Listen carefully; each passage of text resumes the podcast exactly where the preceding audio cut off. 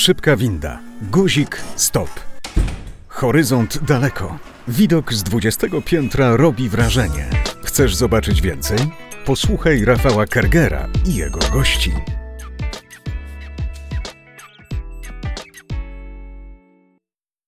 Witam Was w kolejnym podcaście 20 Piętro. Dziś spotkanie wyjątkowe. 30 lat temu, 12 kwietnia 1991 roku, podpisano akt założycielski spółki akcyjnej Giełda Papierów Wartościowych. Warszawską giełdę można wręcz uznać za ikonę odbudowanego państwa w niepodległej Rzeczpospolitej i wolnego rynku. Od tego właściwie wolny rynek y, się zaczął. Giełda jest jednym z symboli wolnej Polski. 16 kwietnia y, mamy obchody 30. rocznicy inauguracyjnej sesji. Dlaczego spotkanie wyjątkowe? Ponieważ y, moim i waszym gościem jest dzisiaj Wiesław Rozłucki, polski ekonomista, współzałożyciel Giełdy Papierów Wartościowych w Warszawie i pierwszy prezes jej zarządu. Dzień dobry panie prezesie, witam serdecznie. Witam serdecznie, dziękuję za tak miły wstęp. Ja myślę, że on będzie jeszcze milszy, jeżeli dodam, że na pierwszej sesji giełdowej mieliśmy debiut pięciu spółek i obroty na niecałe 2000 zł, a dzisiaj e, na parkietach e, giełdy mamy notowane akcje i obligacje ponad 800 emitentów o łącznej kapitalizacji 1100 miliardów.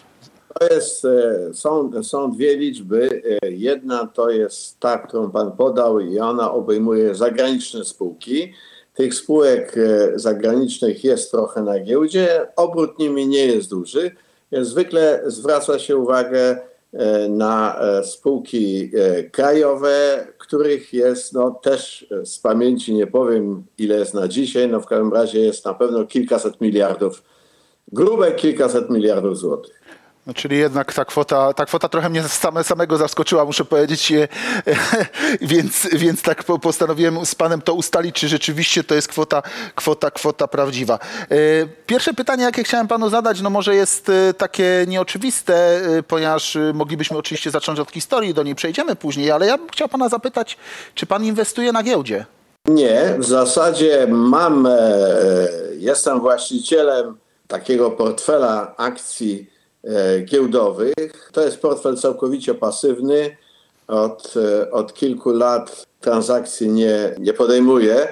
Mogę jeszcze dodać, że nie za bardzo jestem zadowolony e, z, z dokonań tych no, chyba dwudziestu paru spółek, w które zainwestowałem. Może zbyt pasywny ten portfel, panie prezesie? No tak, ale na e, działania aktywne trzeba mieć e, trochę więcej czasu. Myślałem, że będę miał więcej tego czasu, a okazuje się, że nie mam. No i, i wydaje mi się również e, pewne podejście do ryzyka. Może z wiekiem to moje, mój apetyt na ryzyko troszkę spadł, ale cały czas e, inwestowanie na giełdzie proporcjonalnie do swojego apetytu na ryzyko polecam każdemu jakbyśmy mieli przejść do, do, do, pana, do pana prezesury, to chciałem pana, pana zapytać, no to też było pewne ryzyko, ponieważ jak sobie, jak sobie do, policzyłem, no to przetrwał pan 11 premierów i 16 ministrów przekształceń własnościowych i skarbu. I myślę, że to było naprawdę y, wyzwanie, tak, takie, tak, tak, tak długie działanie y, na tym stanowisku. I był pan prezesem zarówno wtedy, kiedy rządziła lewica, prawica, koalicje, różnego rodzaju y, większych, mniejszych partii. Można powiedzieć, że Unia Wolności, czyli partia, partia, partia środka. Co pan najlepiej, a co najgorzej wspomina z tego okresu pionierskiego? Wie pan, e, bardzo dobrze, że pan to przypomniał, bo to jest uzasadnienie mojej tezy, że giełda powinna być profesjonalna i jak najdalej trzymać się od bieżącej polityki. I od e, pierwszej sesji starałem się trzymać giełdę z, z dala od polityki i można powiedzieć, politycy mi się odwdzięczali, bo rzeczywiście różne opcje e, polityczne Polską rządziły, a udało mi się przekonać wszystkich polityków, że giełda powinna pozostać profesjonalna nie powinna być y, jakby łupem politycznym. I w dawnych czasach e, takie polowanie na stanowiska, na obsadzanie e, stanowisk swoimi zwolennikami było już obecne. I wydaje mi się, że giełda była takim chwalebnym wyjątkiem. Mogę powiedzieć anegdotę świętej pamięci Krzysztof Lis, bardzo zasłużony dla polskiej prywatyzacji, zawsze mówił, że chyba nad giełdą e, czuwa Najświętsza Panienka i tylko dlatego giełda nie jest przedmiotem takich rozgrywek politycznych. Tak było przez dobre kilkanaście lat. Czy to się skończyło właśnie w 2006 roku, czy może trwało jednak, ta sielanka trwała troszkę dłużej? No,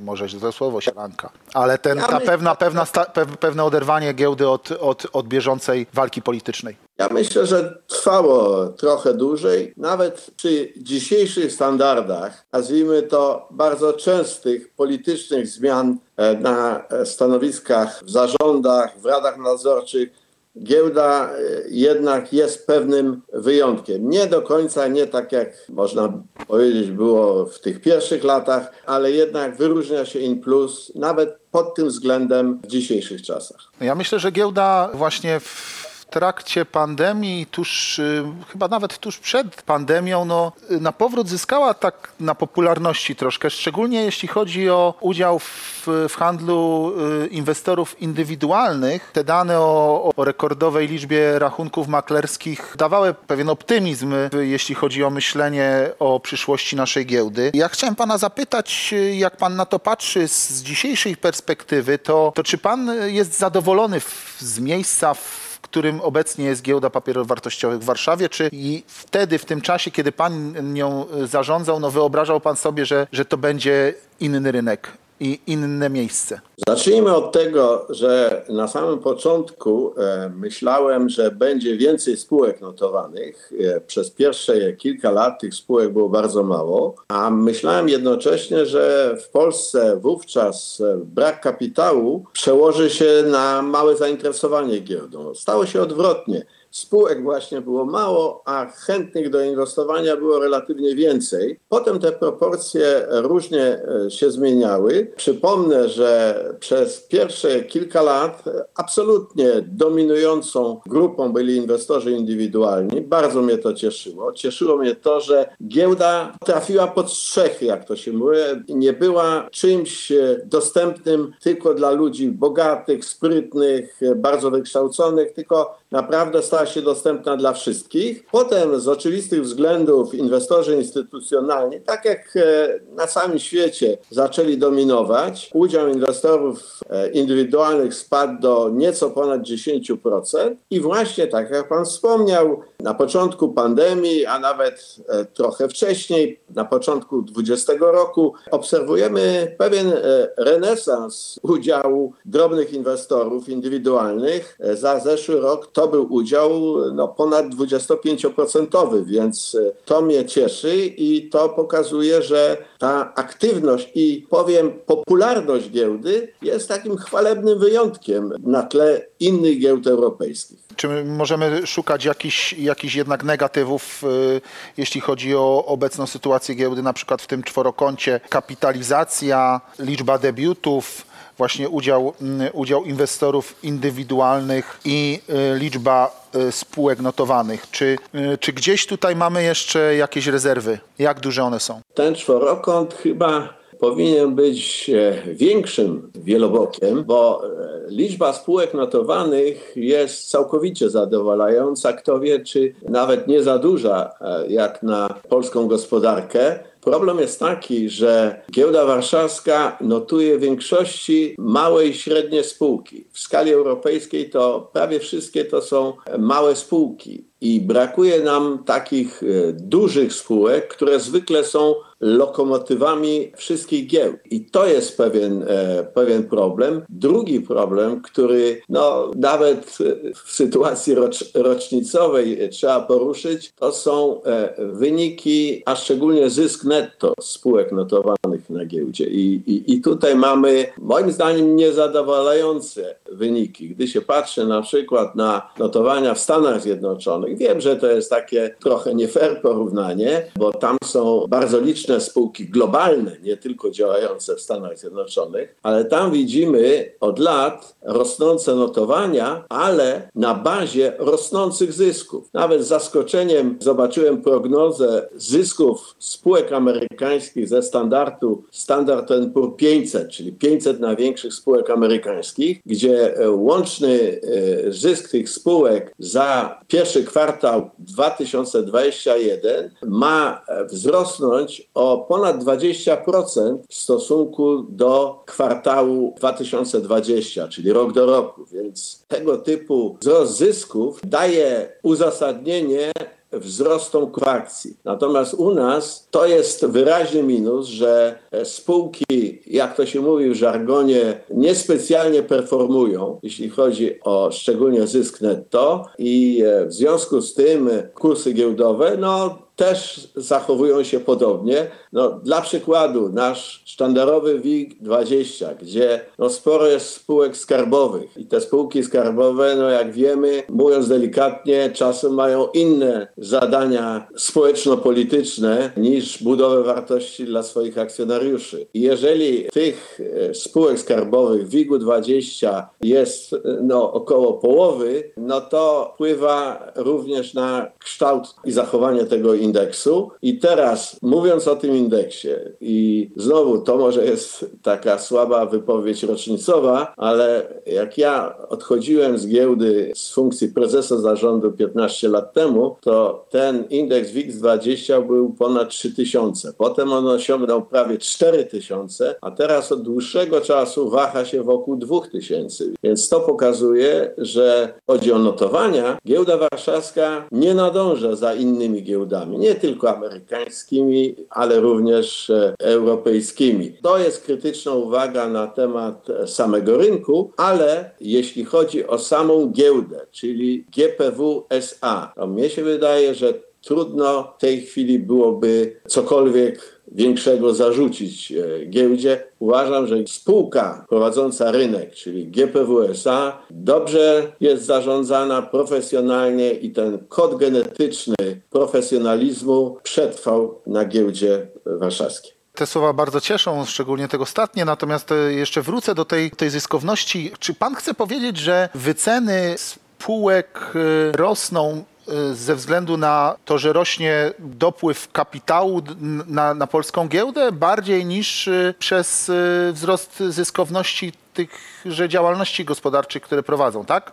To są dwa czynniki i dopływ kapitału jest czynnikiem krótkoterminowym dopływ kapitału nigdy nie działa tak jak woda z kranu. Są większe dopływy, czasem brak, a czasem w ogóle odpływy kapitału. Więc to jest czynnik, który działa krótkoterminowo. I teraz, jeżeli nie ma tej bazy, tej podstawy rosnących e, zysków, no to w zasadzie większe dopływy grożą bańkami spekulacyjnymi. To znaczy oderwaniem się od fundamentów. Fundamentem są, jest zyskowność spółek, a nie dopływ kapitału. A jeśli o ten, o ten kapitał, y, o tym kapitale już y, rozmawiamy, no to bym dopytał, no jak pan się zapatruje na, na te transfery, jeśli chodzi o PPK? Czy ta waga tego PPK będzie rosła w, na giełdzie? No bo wiadomo, że, że fundusze muszą y, część tych pieniędzy inwestować, inwestować właśnie na rynku. Czy, czy uważa pan, że w związku z tym spodziewane są wzrosty indeksów w związku z tym dopływem tego kapitału z PPK? Proszę pana, wzrosty indeksów dalsze oczywiście. Bo od, od, od dołka e, pandemicznego no mamy, mamy wzrost, prawda? To widać. Ja wiem, że pan mówi o, o latach połowy pierwszej dekady, gdzie, gdzie ten indeks, tak jak pan powiedział, miał 3000 czy, czy nawet 4000 punktów. No dzisiaj ma dwa, ale, ale był taki moment, kiedy miał y, poniżej 1500, prawda? Tak, e, tak, wie pan, e, ja, ja patrzę e, zwykle i takie zwykle się E, podaje dane e, na temat notowań indeksu typu 12 miesięcy, 3 lata, 5 lat. I tutaj e, w zależności z jaką perspektywą kto inwestuje, myślę, że dużym czynnikiem in minus była, nazwijmy to, pseudoreforma OFE z 2014 roku. Wtedy zaczęły się kłopoty, wtedy następował odpływ kapitału nie tylko w postaci OFE, ale również innych inwestorów. Może jeszcze dodam do tego, że problem OFE do dzisiaj nawet nie został rozwiązany. Miejmy nadzieję, że coś się wyjaśni w najbliższych tygodniach i miesiącach. Przypominam, aktualny plan, jeżeli będzie zrealizowany, to jest transfer pieniędzy z OFE albo do IKE, albo do ZUS-u.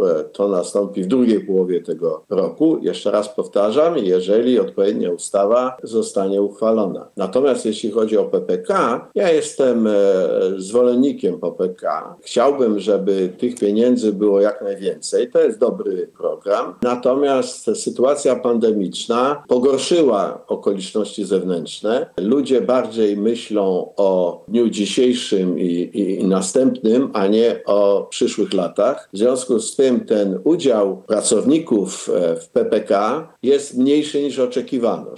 Szacuje się, że to jest około 30% zamiast no, ponad 50%. I w związku z tym te kwoty napływające na giełdę są mniejsze. Dzisiaj się szacuje, że to jest około 4 miliardów złotych. No, na początku rozmowy wspominaliśmy o bardzo dużych miliardach, więc w porównaniu e, do tego to e, efekt nie jest duży. Ale, panie redaktorze, nawet jeżeli to nie jest duży dopływ, który zmieni w jakiś sposób zdecydowanie zachowanie indeksów, to e, zaletą tego, że to jest dopływ stały. I taki stały dopływ e, zawsze działa uspokajająco e, na rynek, bo na rynku w zależności od sytuacji, od emocji, od różnych czynników krajowych, światowych, kapitał dopływa albo nagle odpływa. Więc każdy stały dopływ kapitału trzeba docenić i uważam, że warto wspierać i przekonywać ludzi do udziału w PPK. Jeśli chodzi o przyszłość giełdy, to kiedyś był też taki pomysł, wiem, bym chciał o, o, o niego dopytać. Mówiło się, że w ramach takiej możliwości skutecznej rywalizacji w regionie z, z wiedeńskim parkietem należałoby się zdecydować na przejęcia i konsolidację y, rynków, na przykład w regionie, y, w regionie tej Europy, Europy Środkowej V4. Czy pan uważa, że to jeszcze jest możliwe, czy, czy, czy należy porzucić ten pomysł i, i uznać go za chcieństwo i takie potrząsanie Ja nigdy nie byłem e, wielkim zwolennikiem tego typu integracji. Nie dla samej zasady, ale wystarczająco sporo znałem te e, giełdy środkowoeuropejskie, łącznie z wiedeńską. Te rynki nie miały dynamiki. W tamtym czasie polski rynek bardzo zyskiwał. Byliśmy liderem nowych debiutów na giełdzie, nie tylko w Europie Środkowej, co było łatwe, ale w całej Europie. W związku z tym łączenie się z, z małymi rynkami o mniejszej dynamice niespecjalnie by pomogło warszawskiej giełdzie, więc uznawałem to za taki projekt, taka no, polityczna troszkę ambicja, bo to chyba ogólnie opinia publiczna bardzo dobrze by przyjęła, gdyby nam się udało przejąć giełdę wiedeńską, budapeszteńską, praską, więc e, byłby to świetny ruch marketingowy, tylko ja patrzyłem na to z punktu widzenia interesu giełdy warszawskiej. I ten interes e, był bardzo niewyraźny, o ile nie negatywny. Dzisiaj no, cały czas jesteśmy największą giełdą w regionie i e, mam wrażenie, że jakiekolwiek łączenie się z innymi giełdami e, jest e, mało opłacalne. Efekty takich połączeń typu synergie, bo kiedyś giełda warszawska obliczała te potencjalne synergie. One były niewielkie. Nie sądzę, żeby teraz się zwiększyły te, jak to się mówi, plusy dodatnie. Natomiast jedno jest pewne. Ogromne koszty integracji systemu, przecież systemy komputerowe na każdej giełdzie były inne, więc integracja tych systemów, regulatorzy krajowi niechętnie się pozbywają nadzoru nad jakąś ponadnarodową giełdą, więc problemy prawne z tym związane. Wydaje mi się małe korzyści, a e, spore koszty i to jeszcze koszty nie do oszacowania. Więc e, dzisiaj wydaje mi się, że tego typu e, plany chyba są tylko teorią. A czy to dobrze, że, że polska giełda jest spółką Skarbu Państwa, czy, czy, czy, czy może nie? Czy lepiej by się rozwijała, będąc spółką prywatną? Trudno powiedzieć. Na pewno w pierwszych latach, kiedy były prywatyzacje, to jednak e, mnie się udawało przekonać decydentów, aby duże oferty prywatyzacyjne szły przez giełdę. I mogę powiedzieć, to nawet nie było takie, takie trudne, ponieważ prywatyzacja przez giełdę nie rodziła podejrzeń o jakieś nieprawidłowości. Tym bardziej, że giełda była spółką Skarbu Państwa, no to nawet wzmacniało to bezpieczeństwo. Teraz e, mam wrażenie, że udział Skarbu Państwa, no powiedzmy sobie, chyba jest nie do zmiany w najbliższych latach, więc e, nawet nie ma co myśleć, co by było, e, gdyby była inna struktura akcjonariatu. Natomiast tutaj, e, wie pan, do tego ja bym trochę nawiązał do początków naszej rozmowy. Mianowicie, czy spółka skarbowa z definicji musi być gorzej zarządzana? Nie musi. To zależy od tego, jak ten skarb państwa się zachowuje. Moim zdaniem przez e, prawie całą historię giełdy, z wyjątkami, o których nie chcę wspominać, giełda była dobrze traktowana przez e, Skarb Państwa, które to Skarb Państwa pozwalał na zachowanie profesjonalizmu w zarządzaniu e, giełdą. Więc jeżeli Skarb Państwa zachowuje się w sposób profesjonalny, rynkowy, pozwala giełdzie na odpowiednie funkcjonowanie właśnie e, fachowe, zgodnie z zasadami rynkowymi, to nie stanowi to wielkiej przeszkody w rozwoju giełdy. Natomiast zawsze jest to ryzyko, że kolejny decydent rządowy no, będzie miał inną koncepcję i e, w sytuacji struktury akcjonariatu, gdzie Skarb Państwa ma pozycję dominującą, to wystarczy parę tygodni, aby całkowicie zmienić e, strukturę ładu korporacyjnego na giełdzie i, i, i doprowadzić do gorszej sytuacji. Więc to ryzyko zawsze istnieje. Ono się, można powiedzieć, rzadko przejawiało w historii giełdy, a ryzyko zawsze jest. No, powiedzmy sobie szczerze, w sytuacji spółki takiej prywatnej, nawet notowanej na giełdzie, też są inne ryzyka, ale też, też istnieją. Więc nie ma sytuacji idealnej, ale najważniejsze jest to, aby struktura akcjonariatu, czyli władza nad e, giełdą, pozwalała władzom giełdy działać profesjonalnie. To jest recepta na, e, na, na sukces, sukces giełdy. O jednej y, drodze y, na przyszłość dla y, polskiego rynku już Pan wspomniał, to jest poszukiwanie dużych debiutów, dążenie do tego, by na giełdzie było notowanych więcej spółek dużych lub bardzo dużych. Nie będę tutaj e, w ten temat, no bo to on jest jasny. E, niejasne jest dla mnie właściwie tylko jedno i to poprosiłbym o krótką ewentualnie odpowiedź.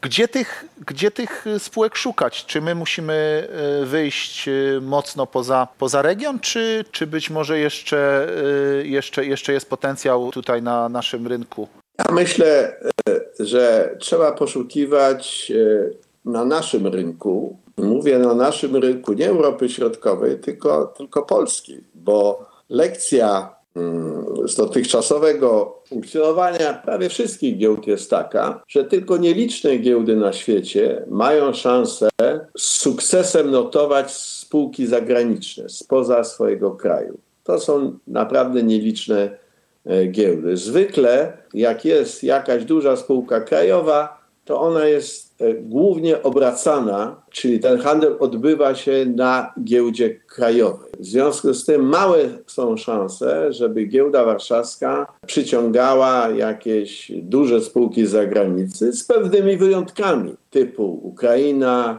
e, Litwa. No, to są tam rynki, no, szczególnie na Ukrainie, prawda, są tak. całkowicie słabo rozwinięte W związku z tym e, tamtejsi przedsiębiorcy szukają innych rynków i tu jest dla nas szansa. Natomiast e, tutaj pyta Pan właściwie o strategię giełdy. Od e, wielu, wielu lat giełdy większe od naszej szukają innych źródeł dochodu, innego spożytkowania swoich kompetencji i na przykład e, sprzedaż usług informatycznych czy inwestowanie w spółki, e, które dystrybuują informacje giełdowe, więc e, spółki technologiczne. Wiem, że Giełda Warszawska ma takie plany. To nie są łatwe plany, bo, bo wtedy giełda wchodzi w konkurencję z licznymi podmiotami. Jeśli chodzi o prowadzenie giełdy papierów wartościowych czy rynku energii, no to mamy swego rodzaju monopol. Ten monopol nie jest ani prawny, ani, ani faktyczny,